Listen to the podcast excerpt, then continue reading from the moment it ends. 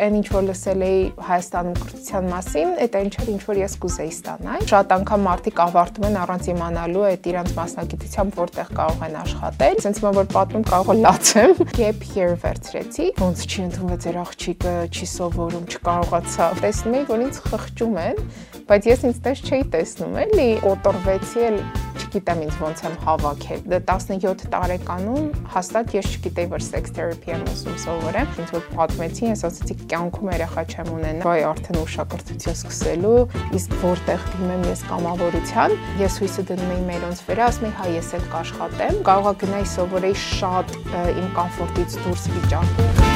Նժարը ոդկասթը կրթության մասին։ Ողջույն, ես Անգելն եմ ու մի տարի առաջ ես որոշեցի չդիմել համալսարան։ Սկզբում փորձում էի հասկանալ, թե ինչու են ուրիշները դիմում համալսարան։ Պարզվեց, որ մեծամասնության համար կարևոր է դիպլոմը ու տանեցին է ինչ նեղացնելը։ Մի տարի անց ես սկսում եմ այս ոդկասթը, որ միասին հասկանանք, թե ինչ ունի մեզ առաջարկելու համալսարանը, ինչ խնդիրներ կան Հայաստանի համալսարաններում, ինչքանով է այսօր ակտուալ համալսարանական ծրագիրը եւ ինչ կարելի է փոխել դրանում։ Եվ վերջի վերջո ինչպես լրացնել համալսարանի բացը, եթե ինպես որոշել եք չդիմել համալսարան։ Ողջույն Եվա ջան։ Բարև ձեզ։ Մերսի շատ որ այսօր համաձայնվել ես կաս։ Եվային ինձ թվում է ճանաչում եք, ինքը բլոգեր է, ավելի մանրամասն իր մասին ինքը կպատմի հեսա։ Այսօրվա մեր հյուրն է, որովհետև վերջերս նկատեցի, որ Եվան ուզում էր իրակրթությունը շարունակել, այսինքն շարունակել չէ, կարծեմ նորից բակալավր չէ գնալ։ Հա, նորից բակալավր գնալ ու քանի որ թեման շատ sense գայուն է ու սենսիտիվ է, ես կուզենայի որ Եվան կիսվեր իր փորձով, որը կարող է ձեզ օգնի։ Տենց մի քիչ քո մասին կպատմես, որտեղ ես սովորել, ոնց ես ընտրել մասնագիտությունդ, համասարանը։ Շատ տխուր պատմություն է իմ այդ կրթական պատմությունը։ Ուրեմն ես Եվան եմ նախ 25 տարեկան ու սկսել եմ բլոգինգով զբաղվել եւ մի տենց մի 4-5 տարի։ Հիմա իմ հիմնական մասնագիտությունը դա է ու գործից մոտ մի 3 ամիս առաջ դուրս եմ եկել, այնպես որ լրիվ աշխատում եմ բլոգինգի վրա եւ իմ հիմնական եկամտի աղբյուրն է դա ու սովորել եմ պետական համալսարանում ռոմանոյում լեզուներ եւ գրականություն արդյոք դա այնտեղներ որտեղ ես ուզում էի սովորել եւ այդ մասնագիտություն ձեռք բերել, ոչ, ես դպրոցում շատ ակտիվ եմ եղել, կամավոր բառը այն ժամանակ նոր էինք սկսում օգտագործել, իրոք չգիտեի մարդիկ ինչա, ես էլ էի նոր սովորում ու ես սկսում էի կամավորությամբ զբաղվել ու իմ բախտը բերեց, որ ճիշտ պահին ճիշտ տեղում հայտնվեցի ու կարողացա ինձ տարբեր ճակերտավոր մասնագիտություններում փորձեմ ու հասկանամ ինձ ինչն է դուր գալիս այն ժամանակ ու բավականին վաղ տարիքում արդեն մոտավոր հասկացա, որ ինձ շատ դուր է գալի մարդկանց հետ աշխատել, մտածում էի սոցիալական ինչ որ աշխատանք կամ հասարակական կազմակերպություններում, բայց նաև գիտեի, որ ուզում եմ դրսում սովորեմ, որովհետև այն ինչ որ լսել էի Հայաստանում կրթության մասին, այդ այն չէր ինչ որ ես կուզեի ստանալ։ Նախ ինձ ասում էին, որ կրթությունը դպրոցի կրթությունից ներչի որ շատ տարբերվում է, այսինքն այսինքն հիմնական ֆորմալ կրթություն է, դու պրակտիկ կարողանում ես ինչ որ բաներ սովորել մենակ վերջին կուրսում էտել ձևականությամբ ու իրականում հենց տենց է էլ ինչ որ պրակտիկա անցնում ես վերջին կուրսում մի քանի ամիս ու շատ անգամ մարդիկ ավարտում են առանց իմանալու այդ իրանց մասնագիտությամբ որտեղ կարող են աշխատել ու հասկացա որ այդ չեմ ուզում։ Ես կրթությունը միշտ պատկերացնում եի ոչ ֆորմալ, այն ինչը որ կամավորության ժամանակ էի անում, էլի, որ կարողանայի հենց այդ մասնագիտությունը շոշափելի հասկանայի, թե հետո ոնց կարող եմ օգտագործել ու որտեղ դիմեմ, ուր գնամ ու ես high school-ից տենց այդ ավակ դպրոցից սկսած սկսեցի դիմել համալսարաններ դրսում անկեղծ շատ համոզված եմ, որ ես անցնելու եմ ու գնալու եմ սովորեմ դրսում։ Նախ դիմեցի UWC College, ինքը International Baccalaureate տվող քոլեջ է, այսինքն փոխարինում է ինքը մինչև բակալավր սովորելու ընթացքում տենց երկու տարվա կրթություն է եւ UWC-ն այդ ժամանակ նոր էր բացվել Դիլիջանում ու տենց մարդիկ դիմում էին ու ես անկեղծ դաժե մի տոկոս կասկած չունեի, որ հանցնելու եմ։ Այն ժամանակ շատ վստահ էի իմ վրա, որովհետև համեմատում էի ուրիշ երեխեքի հետ, ասում էի, շատ ակտիվ եմ, շատ կայ կերպար եմ, էլի որ չանցնեմ։ Չանցա, վերջին փուլից չանցա, դա ինձ կոտրեց։ Ինձ էր կյանքս վերջանալու է դրանից հետո, ես էլ ոչ մի բանի արժանի չեմ, դժվար անցնեմ եւ այլն։ Հետո մի երկու հատ չափալախին դեմքին ինձ տվեցի, ասացի հետ արի կյանք ու սկսեցի դիմել տարբեր համալսարաններ դրսում ու մի քանի համալսարաններ անցա անկեղծ կոնկրետ մասնագիտություն չկար որ դիմում էի դիմում էի նայած որ համալսարանում ինչն էր լավ մասնագիտություն էլի տենց research էի անում որտեվ այդ պահին այնքան sense լծված էի ուզում էի ամեն ինչ սովորեի ու ասում էի լավ որտեղ անցնեմ էտա ուրեմն իմ ճակատագիրը մի քանի համալսարան անցա scholarship-ներ ստացա, բայց ոչ ամբողջական ու տենց մերոնք չէին էլ կարող տալ։ Ասենք London Business School-ը ինձ տվեց մի 7000 եվրոյի զեղչ, բայց տարեկան կրթություն 30000 էր էլի, որ այնքանը գտնեի, մնացածն էլ կգտնեի։ Ու տենց մի քանի համալսարաններ չանցա, վերջում չստացվեց եւ վիզաների հետ խնդիր եղավ եւ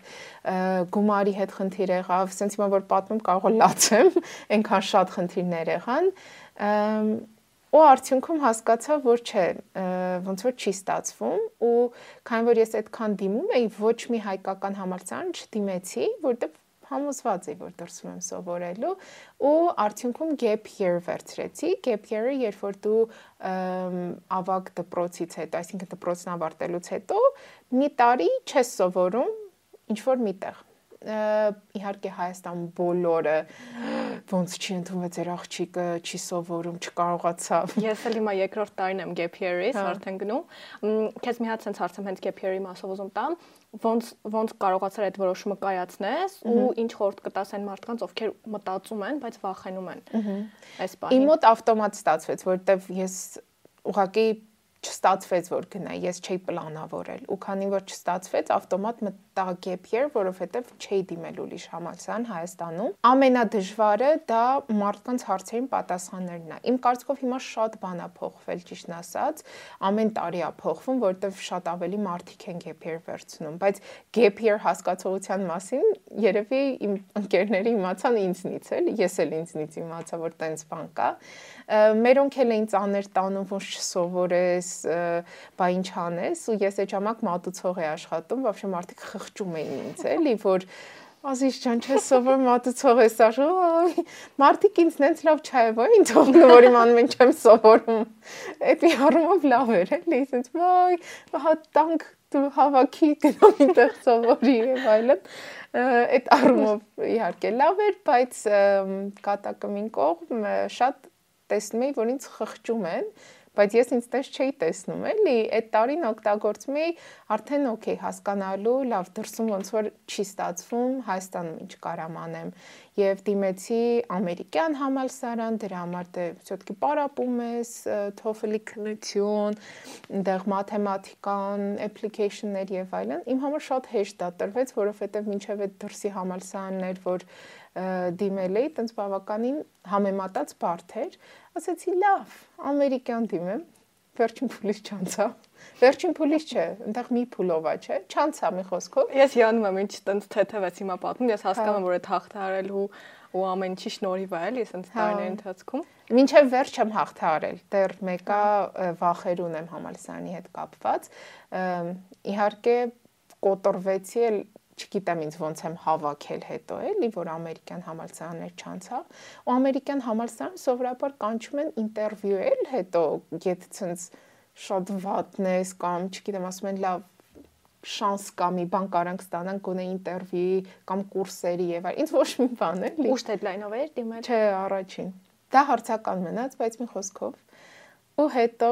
արդեն սենց հասկացա որ գոնե միտեղ պետքա գնամ ընդհանրապես չէի պարապել, չգիտեմ քնություններ ոնց է հայկական համալսարաններում լինում ու տենց մեջներից որ կարայի հանձնեի անգլերեն ու հայերեն, տենց որոշեցի դիմեմ ռոմանո ու հիշում եմ գնացել էի բանավոր քննության Փաստորեն այնտեղ թոփիկներ կա, որ դու նախոր պետքա պարապես, օրինակ կարողա քեզ հարցնեն Ամերիկայի կառավարման, չգիտեմ, government-ի բանի մասին ու տենց եթե պարապաշ չլինես, չես իմանալ, ես դա չգիտեի բայց բախտս բերեց իմ թեման ընկավ my day, իմ օրը։ Դա շատ պրիմիտիվ հարց էլի ու թարգմանություն տվեցին, ասացին գնա այնտեղ թարգմանի, գնացի նստեցի տնը բառարանա դրած, ասում եմ կնեք բառարանից օգտվելուց քանի բան է դուրս գալի, նայում են վրես, ասում են դուրս չի գալիս։ Ասում եմ, բա Էն ինչ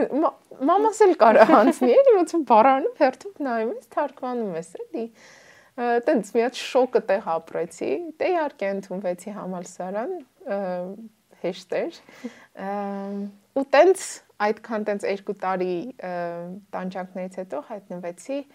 Ռոմանոյում։ Վաու։ Հա, հա, շատ բովանդակալից էր։ Բլոգինգին անդրադարձար, ասացի որ հիմա եկամուտն է հիմնական, սենց բան են կարծրատիպային հարց, բա բլոգինգով դու պահում ես։ Լուրջ է բլոգինգը, հա։ Հա, լուրջ է, եթե լուրջ ես վերաբերվում, ես ապրում եմ մենակ, իմ ֆինանսը լրիվ ես եմ ապահովում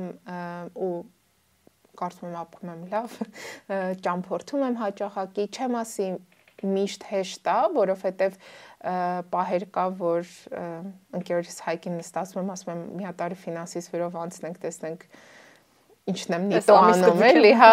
չէ, ձգելու հարցը չի, այլ ավելի հա։ շատ ֆինանսների կառավարման, բայց հա, մոտ արդեն 3 ամիս է ինչ միակ եկամտի աղբյուրն է բլոգինգը, պրոդի լավ է։ Հա, ինձ ոնց որ մինչև ոդկասթը տենց ասել էի որ հարց տան, հարցեր տան, ու մեկը հենց բլոգինգի մասով էր հարցը։ Ոնց որ իսկ ոնց գալ դրան, ոնց գալ դրան, որ բլոգինգը լինի քո հիմնական եկամտի աղբյուրը, որովհետև իրականում կարծրատիպ կա, ես էլ այնպես փորձում եմ զբաղվեմ դրանով, կարծրատիպ կա շատ եմ լսում, որ հեշտ է շատ բլոգինգով գումար աշխատելը, բայց բնականաբար այդտենց չի ու տարիներով դրա մեջ ներդրում է, այս կունենա մի քիչ դու պատմես էլի քո փորձից։ Համեմատած Օրինակ, իմ մաման բժիշկ է, իմ պապան ինժեներ է, եղբայրս ծրագրավորող է, համալսարանում դաս է տալիս եւ այլն եւ այլն։ Եթե համեմատում եմ այն գործը, որ իրանք են անում, օրինակ մամայիս տանջանքը հիվանդանոցում իր աշխատած աշխատավարձը, շատ ցավում եմ, որ ես այո, համեմատած շատ ավելի հեշտ եմ աշխատում, քան իմ մաման, որտեվ մամանց էլ տարիների փորձ է դրել, 10-քային տարի սովորել է, մարդկանց կյանք է փրկում, բայց իր գործը տես չի գնահատվում, ոնց որ օրինակ իմը ու այդ առումով շատ տխրեցնում ամեն ինչ, էլի, թեկուզ մեր ուսուցիչները, դասախոսները եւ այլն, բայց այդ տխրությունը են կողմ դրած բլոգինգով միանշանակ պետքա չեմ ասի տարիների փորձ, որովհետև հիմա մենք ունենք բլոգերներ, որ միանգամից մտան շուկա, բում արեցին, ու տենց բում անելով շարունակում են օրինակ Ռաֆոն Հայդալեկ կամ Անին Արզումանյան, Նինան Տիտանյան իրանք սենց շատ արագ մտան մի երկու հատ վիդեոյով ցույց տվեցին մենք խզարում ենք հումորը ու տենց խզարելով շարունակում են հումորը շատ լավ է գնահատվում հումորը միանգամից աուդիտորիա է գրավում դենց որ պետքա նախ եթե բլոգինգը սկսում ես հասկանաս ինչ ունես դու առաջարկելու որ մնացածը չեն առաջարկում դրա համար օրինակ lifestyle blog-ը հիմա շատ տարածված է ու բոլորը lifestyle-ով կարան զբաղվեն ինչի հենց քո կյանքին հետևեն, այլ ոչ ուրիշի, ինչով ես դու տարբերվում։ Դրա համար հիմա մի քիչ ավելի դժվար է բլոգինգով սկսել զբաղվել, քան մի քանի տարի առաջ, որտեղ մի քանի տարի առաջ մենք անում էինք առանց իմանալ, որ մեջը փող կա, զուտ հավես էր, հետաքրքիր էր ու դրա հաշվին մենք աուդիտորիա հավաքեցինք, բայց հիմա շատ բլոգերներ կան, մրցակցությունը շատ մեծ է։ Դրա համար պետքա դու նախ հասկանաս, որ դու պետքա գտնես մի բան, առաջարկես մի բան, որ շուկայում չկա, կամ եթե անգամ կա, դու ուրեմն մի հատ ուրիշ մակարդակով անես։ Ու եթե դու բլոգինգին վերաբերվես այնքան լուրջ, ինչքան կվերաբերվեիր քո օրինակ ժամի 9-ից 6-ը օֆիս գնացող տենց գործին, ուրեմն միանշանակ դու առաջ կգնաս, որտեվ շատերը մտածում են ձերքի հետ է այդ ամեն ինչ հարվում։ Ձերքի հետ ինչ էլ անես, parza լավ չի լինի, էլի։ Հա, այսինքն որ սենց ամփոփենք բլոգինգը մի հատ առանձին մասնագիտություն է, որը իր մեջ լիքը համ մարքեթինգից տարեր է պարունակում, հա, շուկան ուսումնասիրելը, համ էլ content creation ու աուդիտորիա հետ աշխատանք բավականին կրեատիվ, պետքա լինես տարբերվող, պետքա լինես ուսումնասիրող, որ հասկանաս թե շուկան, ու տենց ցանկությունը որ եղավ, եթե տենց դուրը տեկա, որովհետև շատ մարդիկ իրանցը չի կամերայի հետ աշխատանք, նայել, խոսալ, ժպտալ, իրանցը ուրիշ բանն է եւ չպետք է քեզ ստիպես էլի որ որտեվ հիմա պահանջված մասնագիտություն ես ու քո կոմֆորտից այդքան դուրս գաս էլի կպատմես մի քիչ ինչ ես ուզում նորից սովորես, բակալավր ու ինչ մասնագիտությամբ ես ուզում սովորես։ Քանի որ ասում ես, որ արդեն ունես մասնագիտություն, հա, բլոգինգը կա, ել ինչի՞ դա պետք սովորել ես, սենց հարց շատ։ Մասնագիտություն համալսարանական ունեմ, որպես բանասեր եմ, եւ կա բլոգինգը, ինչով որ գումարն եմ աշխատում Արդյոք 100% համոզված եմ, որ ուզում եմ նորից սովորեմ, չէ, որովհետև դեռ վախեր ունեմ, դեռ համոզված չեմ, որ ուզում եմ իմ կյանքը թողնեմ եւ գնամ նորից նոր մասնագիտություն ձեռք բերեմ, բայց հոգուս խորքում գիտեմ, որ այդ մեկը մի հատ ցանկությունա, որ միշտ լինելու է, չգիտեմ, անկախ նրանից կանեմ թե չէ, որովհետև սենց չիրականացված երազանքա ստանալ ոչ ֆորմալ, հավես կրթություն ու սովորել մի բան, որ ես շատ եմ ուզում, որը հոգեբանությունն է ու ինչի հենց բակալավրից սկսել, որովհետև չես կարող ուղղակի գնաս մագիստրատուրա, մեկ էլ ինչ որ մասնագիտություն ձեռք բերես, որը այդքան լուրջ է ու այդքան մեծ գիտելիք է պահանջում։ Դրա համար պետքա սկսեմ բակալավրից ու ինձ սովորական հոգեբանությունը չի հետաքրքրում, այլ հենց սեքս հոգեբանությունը, այսինքն աշխատել այն մարդկանց հետ, ովքեր որ իրենց սեռականության հետ կամ հենց սեռական հարաբերություններում ինչ որ խնդիրներ ունեն, որը ֆիզիկական չի, այլ մտավոր է ու ինչի եմ հենց այդ մասնագիտությունով հետաքրքրված շատերին թվում է sex education սերիալից հետո չգիտեմ տեսել եք թե չէ այնտեղ հա։ այդ մասնագիտությունը կա բայց ես դրանից շատ շուտ բանից էի ուսում որովհետև այս թեման ինձ ընդհանրապես չի ամաչացնում։ Ես հանգիստ ամեն միջավայրում կարամ խոսամ իմ տնեցիքի հետ, անծանոթների եւ այլն, ու սովորաբար մարդիկ դրանից ավելի վստահություն են ձեռք բերում ու իմ հետ սովորաբար խոսում են այդ թեմաներով։ Ու Հայաստանում քանի որ շատ տաբուացված է, կուզեմ, որ հենց այդ մասնագիտություն ձեռք բերեմ եւ Հայաստանում աշխատեմ ոչ թե դրսում, որpիսի մի քիչ ավելի նորմալիզացնեմ սեքսի մասին խոսալը եւ մասնագետի դիմելը, եթե կա ինչ-որ խնդիր։ Ես սենց մի հատ հարց ունեի, որ նշել էիր, որ այս անգամ ավելի գիտակցված կմոտենաս դրան։ Երևի թե մի քիչ անդրադարձար, բայց ավելի խորը կանդրադառնաս, թե ինչն է տարբերությունը բուն 18-19 տարեկան Եվայի ու հիմիկվա Եվայի, ինչ դու չէիր գիտակցում այն ժամանակ օրինակ դիմելուց ու ինչ ես գիտակցում հիմա։ Ահա նախ այն ժամանակ, երբ որ ես դիմում էի համալսարաններ, իրոք այդքան ռեալ չէի գիտակցում, որ ֆինանսի ինչքան մեծ դեր է խաղալու։ Այսինքն ես հույսը դնում էի մերոնց վրա, ասում էի, հա ես էլ կաշխատեմ, բայց շատ լավ research չէի արել, որ ինձ իրոք ինչքան գումար է պետք իմ կոմֆորտի համար ու կարողա գնայի սովորեի շատ իմ կոմֆորտից դուրս վիճակում, այնքան որ պլյուս դնելու համար եւ այլն։ Իսկ հիմա 25 տարեկան Եվան, ով որ մի քանի տարի մենակ է ապրում, ով որ իր ֆինանսն է լրիվ իր ձեռքը, ավելի հստակ գիտի, որ իրան մեկը կարևոր է լինելու իր կոմֆորտը ապրելու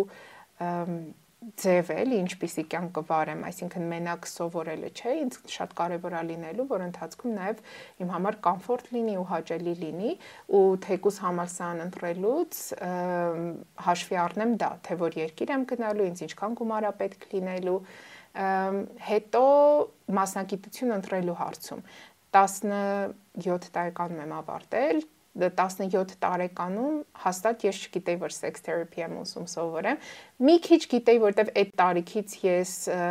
սեռական առողջության դասեր էի տալիս իմ դպրոցում ու գիտեի, որ ինչ որ տենց թեմա կա, որ միգուցե ինձ կհետաքրքրի, բայց այսքան լավ չգիտեի, որ դա մտնում է նաև հոգեբանության մեջ, որովհետև ոչ հոկեբանի էի դիմել, ոչ ինքս ինձ է ավելի լավ ճանաչում, իսկ այսքան տարի անցել է, ես քանի տարի ա գնում եմ հոկեբանի մոտ, սկսել եմ ինձ ավելի լավ ճանաչել, սկսել եմ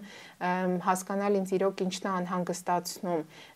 որտեղ ես իմ ապական կպատկերացնեմ։ Այն ժամանակ ես համոզված եմ, որ ես դրսում եմ ապրելու, հիմա համոզված եմ, որ ինչ էլ որ սովորեմ, կուզեմ գամ ու Հայաստանում այդ գիտելիքս ներդնեմ։ Եվ Իհարկե դա չի նշանակում, որ այն տարիքում ես գնայի դրսում սովորեի դա վատ էր անդրադառնալու։ Զուտ այս տարիքում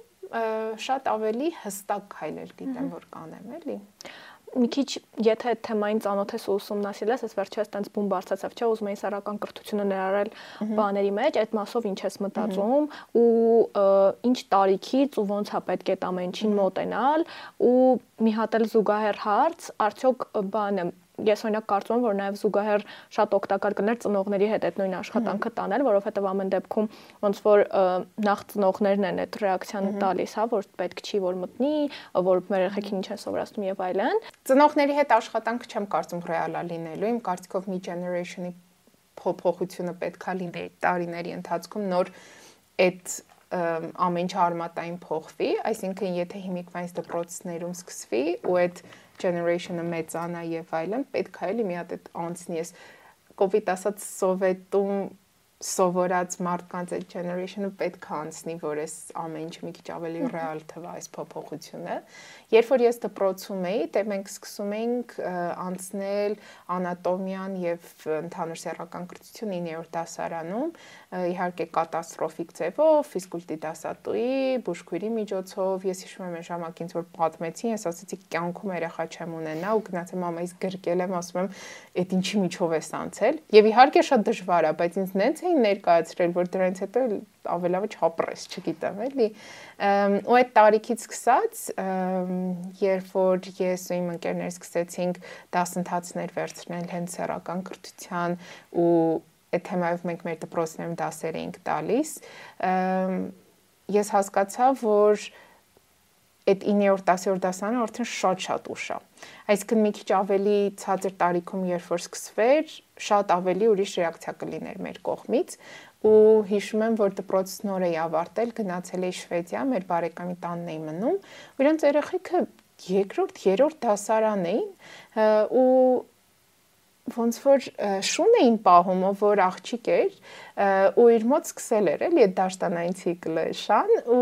ինanc մաման տենց դրել էր, նստացրել էր, որ բացատրի, չգիտի որտեղից սկսի, որտեղ դե երկրորդ երրորդ դասարան են, իրանք ասել էին քո կարծիքով բան երեխա ենք, մենք գիտենք parza, էլի իրանք դպրոցում այդ տարիքից սկսել էին։ Իմ կարծիքով հենց այդ տարիքից պետքա սկսվել, բայց իհարկե հասկանաս ինչ չափաբաժնով։ Այդ տարիքից պետքա բացատրել, թե քո անձնական տարածքը որն է, որ ուրիշներին չպետքա թույլ տաս քո անձնական հենց տարածքին կպնել, ինչի է կարևոր հարգել այդ ամեն ինչը, ինչի պետքա դա հենց համարվի private part եւ այլն, ու տենց քիչ-քիչ ամեն տարի տալ ավել-ավել ինֆորմացիա, որ միանգամից 9-րդ դասանում sense բան չլինի, էլի, ինչից ենք խոսում նոմոսաչը։ Հա, որ արդեն քիչ-քիչ իրանց համար դա նորմալիզացված լինի։ Արի մի քիչ անդրադառնանք մարդկանց ռեակցիաներին։ Ճիշտ ասացի, վերջնական չես որոշվել, որոշել, բայց ամեն դեպքում երբ որ կիսվում ես այն իդեայով, որ ուզում ես շարունակես, մարդիկ ավելի շատ սփորթիվ են, թե քննադատող են, որ դու այս տարիքում ուզում ես նորից սովորես մի հատ քննադատական խոսք չեմ ստացել, շատ սփորթիվ են եղել ու նաև շատ իմ հետևորդներ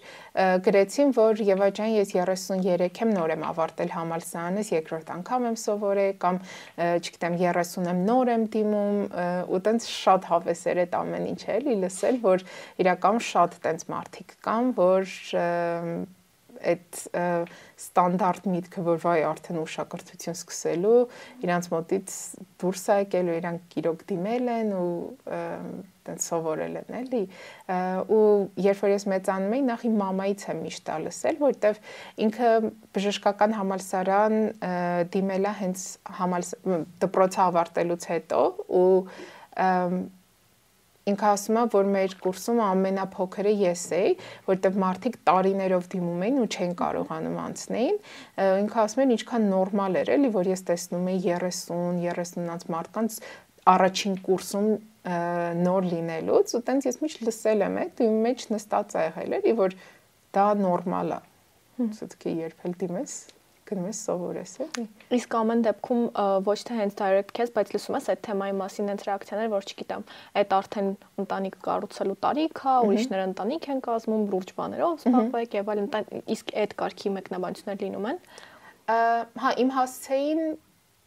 չէ, դեռ չեմ լսել բայց դա միանշանակ։ Այսինքն եթե կրթություն են կողմ դնենք, հա, այս տարիքում ինձ արդեն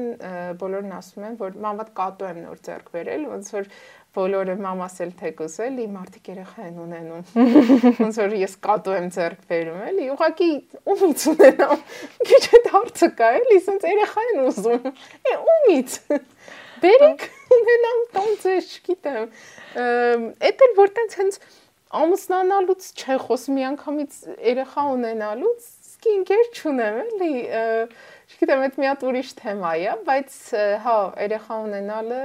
արդեն սենց հա։ անընդհատ խոսակցության մեջ կա։ Այդ կատվի թեմայով մի հատ սենց փոքր բան անեմ, ես էլ եմ վերջերս սկսել կատու պահել ու ես հասկացել եմ դրանից հետո թե ինչ քանի անգամ ավելի բարդ է լինելու տիպը երեխա ունենալը ու հասկացել եմ ինչքան է ավելի աճելու ու զարգանալուց հետո պետքա լինի, որովհետև նախ առաջին տենց դեպքը որ հետս եղավ կատուն սկսեց ցենց հետ տալ ու ես մենակ էի տանը ես նենց վախեցա մենք փողոցից ենք իան բերել ինքը խնդիրներ ուներ նենց վախեցա ես ցենց քարացել էի ու չգիտեի ինչ անեի զանգել եմ ցենց ասում մեկ եք ինձ մենակ եմ ես բան ցենց նենց ու հասկացա որ առաջինը օրինակ նույն բանը որ երեխու հետ լինի, հա, ասենք առողջական խնդիրներ եւ այլն, ոնց ես դու ռեակցիա տալու այդ ամեն ինչին պետքա պատրաստվել եւ այլն։ Ու հետո իր իր մասին հոգ տանել են, որ քո անձնական տարածքը ես եմ մենակ ապրում ու իմ անձնական տարածքը էլի ինչ որ ցած կենթանի է խոժել, ամեն ինչ խառնում է եւ այլն, հետո էմոցիաներ կառավարելը ոնց իրանց իրա վրա չթափես, հա, ու այն որ միշտ քո քո ուզածով չլինեն, որտեվ ինքը կենթանիները իրանք ես չէի պատկերացնում ինչով կենթանի ունենալը, բայց լուրջ sense բնավորություն ունեցող են շատ ու դաժե մարդկանցից ավելի դժվար է իրանց հետ, որովհետեւ օրինակ եթե մարդու վրա գորաս ինքը կգնա մի կողմ, կենթանում չես կարա տենց պրոստը ինքը իր բնազդներով էլ իրան ոչ մի ձև չես կարա անես ու տենց ոնց որ բոլոր նրանց ովքեր ուզում են երեխա ունենան սկզբում կատոպայեք իմ կարծիքով սկզբում մենակ ապրեք հա դե հա մի հատ ինքներ ձեզ ճանաչեք ով եք ինչա ձեզ դուր գալիս ինչա ամուսնանալը նախ էլի որ ինքներ ձեզ ճանչեք, շատ ավելի հստակ կիմանաք, թե ով եք ուզում, որ ձեր կողքը լինի, ձեր պարտները, ում հետ եք ուզում ձեր տունը, այդ անձնական տարածքը կիսեք, ու հետո նոր իհարկե դե երեխա ունենալ է։ Հա։ Հետ գալով մեր կրթության թեմային, մի քիչ էլ կպատմես նրանից, թե ոնց եղավ այդ որոշմանը գալը, թեկուզ ոչ վերջնական, հա, որ նորից ես ուզում սովորես ու ինչի միջով ես անցել, ինչ ես հաղթահարել, ինչ մտքեր են քեզ օգնել կամ ինչ մտքեր են եղել, որ քեզ խանգարել են իրանցից ազատվել ես այս ընթացքում կամ փորձում ես ազատվել դեռ փորձում եմ ազատվել եւ աշխատում եմ հոգեբանիս հետ դրա վերաբերյալ, որովհետեւ երբ որ երկու տարի իրար հետևից ֆեյլ եմ ունեցել հենց համալսան գնալու հետ կապված, մեկը թինեյջեր Եվան իմ ներսում դեռ շատ մեծ վախեր ունի, որ ինքը կդիմի եւ համալսան չի անցնի ու էլ չի կարողանա դրա տակից դուրս գա։ Միգուցե եթե ժամանակին ճիշտ support ունենայի, ճիշտ գիտելիքներ ունենայի, որ աշխարի վերջ չի, երբ որ դու չես անցնում, հիմա էլ տենց ռեակցիա չունենայի։ Իսկ ինչ ինչ ես երբ որ չես անցել, ինչ ռեակցիա ես ստացել կամ support-ի փոխանին չես ստացել, որ ոչինչ չեմ ստացել, ինքս իմ հետ եմ այդ էմոցիաներն ապրել ու երբ որ ասում եմ ես շատ վստահ էի իմ վրա, այդ միանգամից կորավ։ Այսինքն այդ ժամանակվանից հետո ես արդեն ամեն ինչ հարցակային տակ էի դնում ասում բայց կարող խելացի չեմ կարող անկապ զուտ բախտը սա բերել ու այդ մտքերը մինչև հիմա կան էլի շատ անգամ ասես մնում ենք մեկ էլ հայկին իմ ընկերոջ ասում եմ լսի քո կարծիքով ես հիմար եմ ասում հա հիմար ես որ սենց հարց ես տալիս էլի ու սենց ինձ validation-ա պետք որ ինձ հաստատեն ասեն չէ որովհետև ես եթե սենց նայում եմ ինձ խելացի մարդ եմ համարում որովհետև շատ բաներ ինձ հետաքրքրում ու միշտ Google-ում եմ, կարդում եմ, գնում եմ ընկերներիս ասում են, ասում են մեզ այդ ինֆորմացիան բավարժե պետք չի, բայց հենց ինֆորմացիայի հետ աշխատանք, նոր բաներ սովորել ինձ միշտ է հետաքրքրել։ Ու ես գիտեմ, որ հայտնվեմ համալսարանում, ինձ շատ այդ հետաքրքրելու է, այսինքն նոր բան վերցնել, ինձ շատ հետաքրքիր է։ Մանավանդ նոր բան վերցնել են թեման, որ ուզում եմ ես ստանամ, այսինքն դժվար գնամ ինչ որ ծրագրա, որում սովորեմ, այդ նոր ինֆորմացիան հավեսով ստանամ, որովհետև հեչ չի հետաքրքրում։ Բայց մեկը հիմա վախեր ունեմ, որ բա որ գնամ ու բարձվի իրականում չէ, ապուշի մեկն եմ, ոչ մի բան չեմ հասկանում։ Անգլերեն շատ լավ գիտեմ, բայց դաժե դա եմ կասկածի տակ դեմ, ասում բա որ գնամ բարձվի չգիտեմ։ Չգիտեմ, էլի ասենց մտքեր են գալիս, վախեր են անիմաց գալիս, որի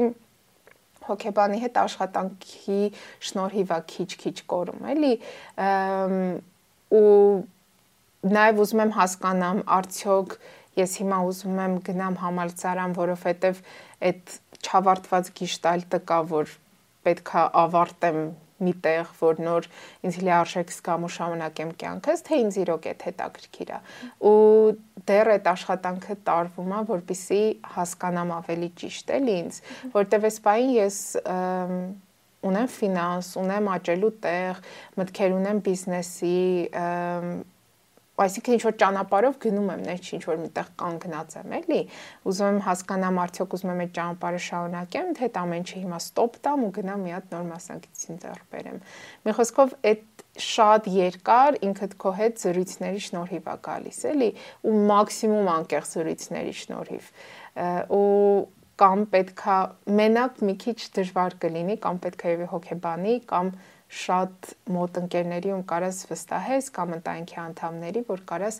անընդհատ խոսաս ու անընդհատ իրենք հարցեր տան, որ այդ հարցերի միջոցով դու ինքդ քեզ բացահայտես ու ծանոթանաս ու այդ վախերը դուրս բերես ու հասկանաս ինչքան ապուշ վախեր են, էլի։ Հա, եթե դեմ չես մի հատ ավելացում անեմ այդ խոսալու անկեղծ լինելու հետ կապված, որովհետև այս վերջերս իմ մոտ էլ տենց պիտի եղավ, երբ որ ես հասկացա, որ ես մինչև այս вообще ինչ չեմ լսել ու անկեղծ չեմ եղել ու ես ոնց որ տենց հասկացա այդ որտեղից էր գալիս, ինձ թվում է նրանից էր գալի, որ ես իմ մասին հստակ պատկերացումներ ունեի ու ակնկալիքներ ունեի, ես մտածում եի ես պետքա էս լինեմ ու ես հələ մինչև միտք արտահայտել է, այդ արդեն դրել էի։ Սա ես չէի կարողանում այն ներքին խորը միտքը լսեի, ես ինչ ջաջ էի ես ինձ քննադատում էի ու դրա համար ես չէի կարողանում հետ անկեղծ լինեի։ հա։ So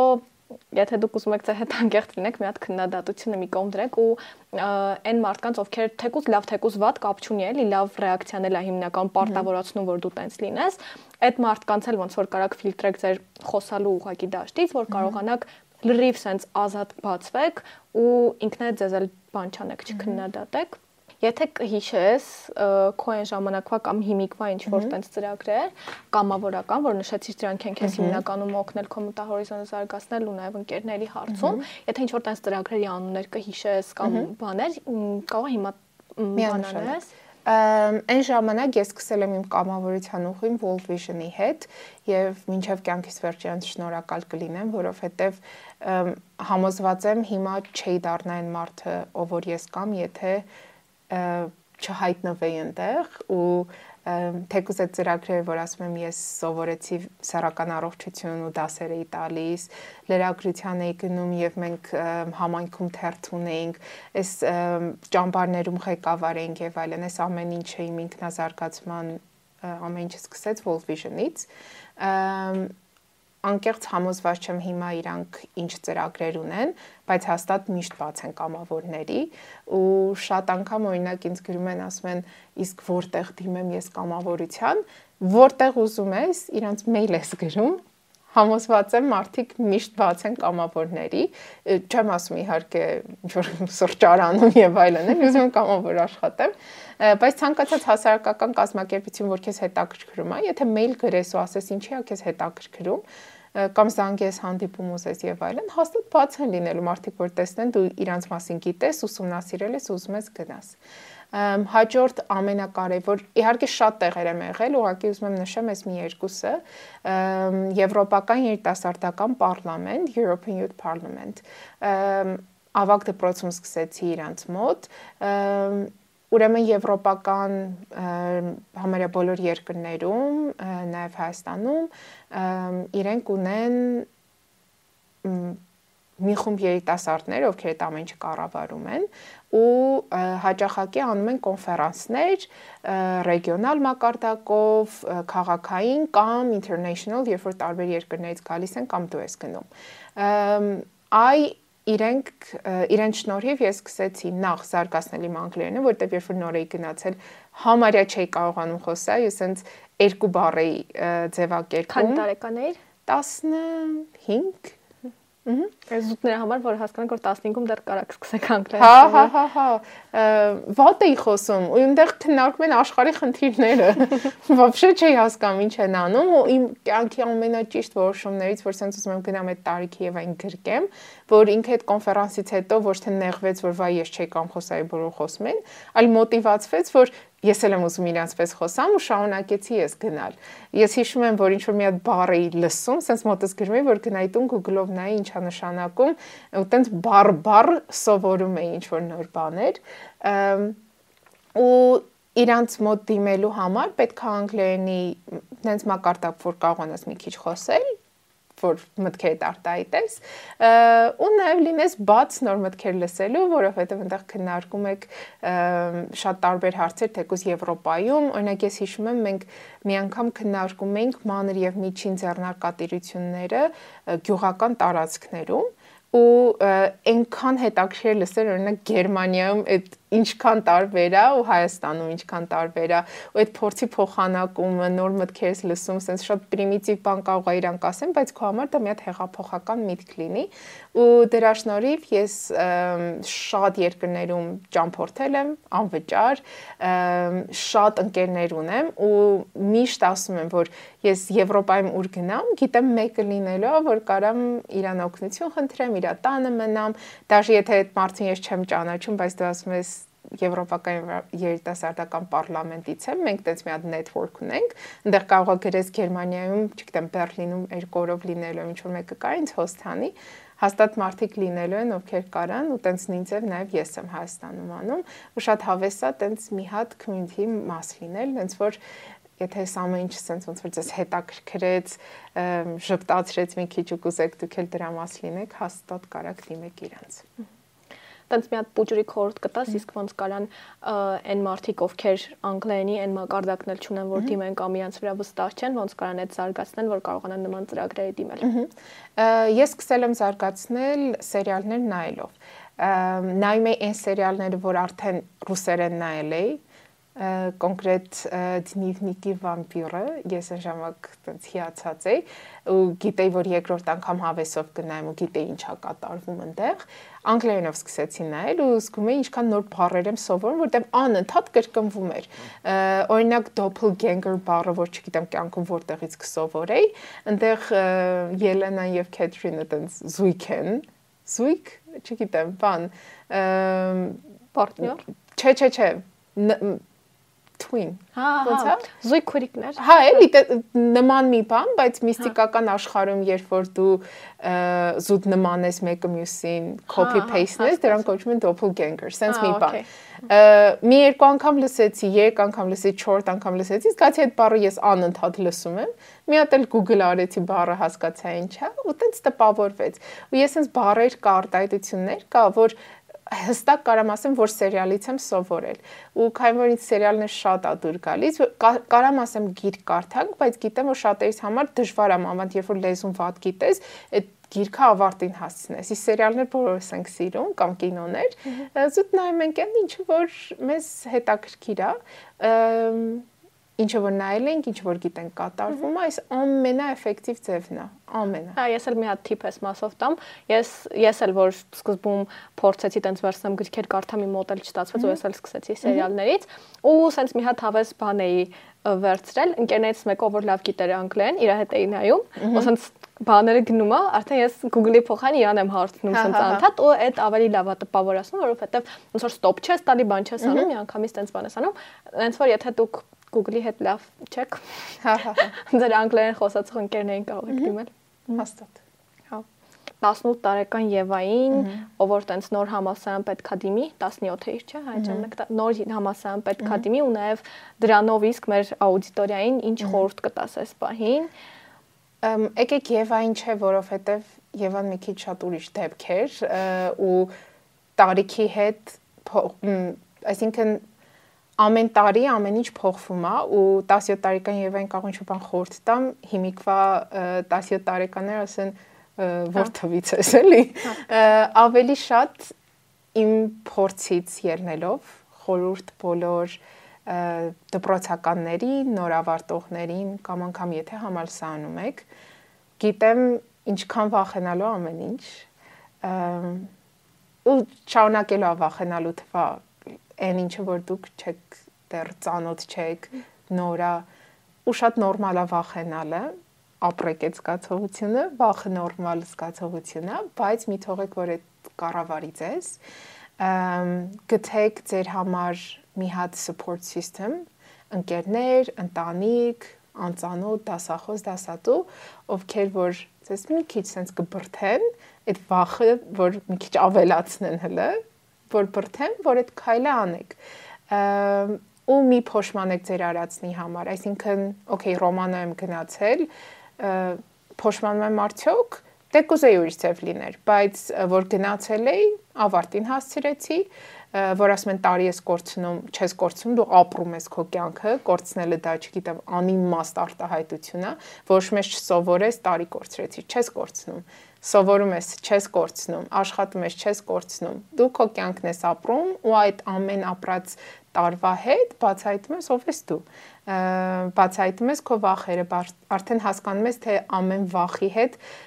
դու ոնց ես վարվում ինչ քայլեր ես անում ու այս ամեն ինչը կյանքի մաս է ու բոլորս ենք անցնում բոլորս էլ մտածում ենք որ կյանքը վերջանում է մի հատ ցախողմամբ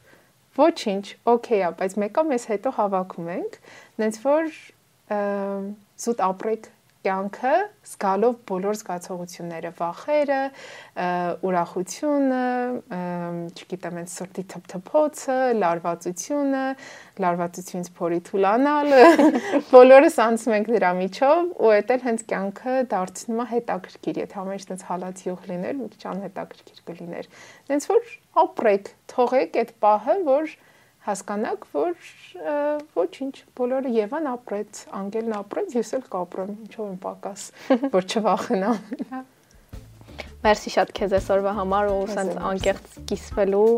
ու քո էմոցիաները ներկայացնելու հուսամ օգտակար կլինի ու հուսամ սպորտիվ կլինի բոլոր այն մարդկանց համար, ովքեր հիմա են ինչ որ բանի հետ պայքարում ու եթե հանկարծ ձեր մոտ էլ այնպես պերիոդավոր դիմել եք ինչ որտեղ ու չեք ընդունվել եւ այ օրինակը ձեզ վառ որ չի ավարտվում կյանքը, որ դրանից հետո դուք կարաք ունենաք ձեր երազած կարիերան, ձեր կարաք նորմալ գումար աշխատեք, կարաք կարաք ուրիշների հետ կիսվեք լիքը բանով, ուրիշներին օգտակար լինեք։ Ոնց որ ուժեղ եղեք։ Այո։ Ապրես շատ։ Դու էլ ապրես։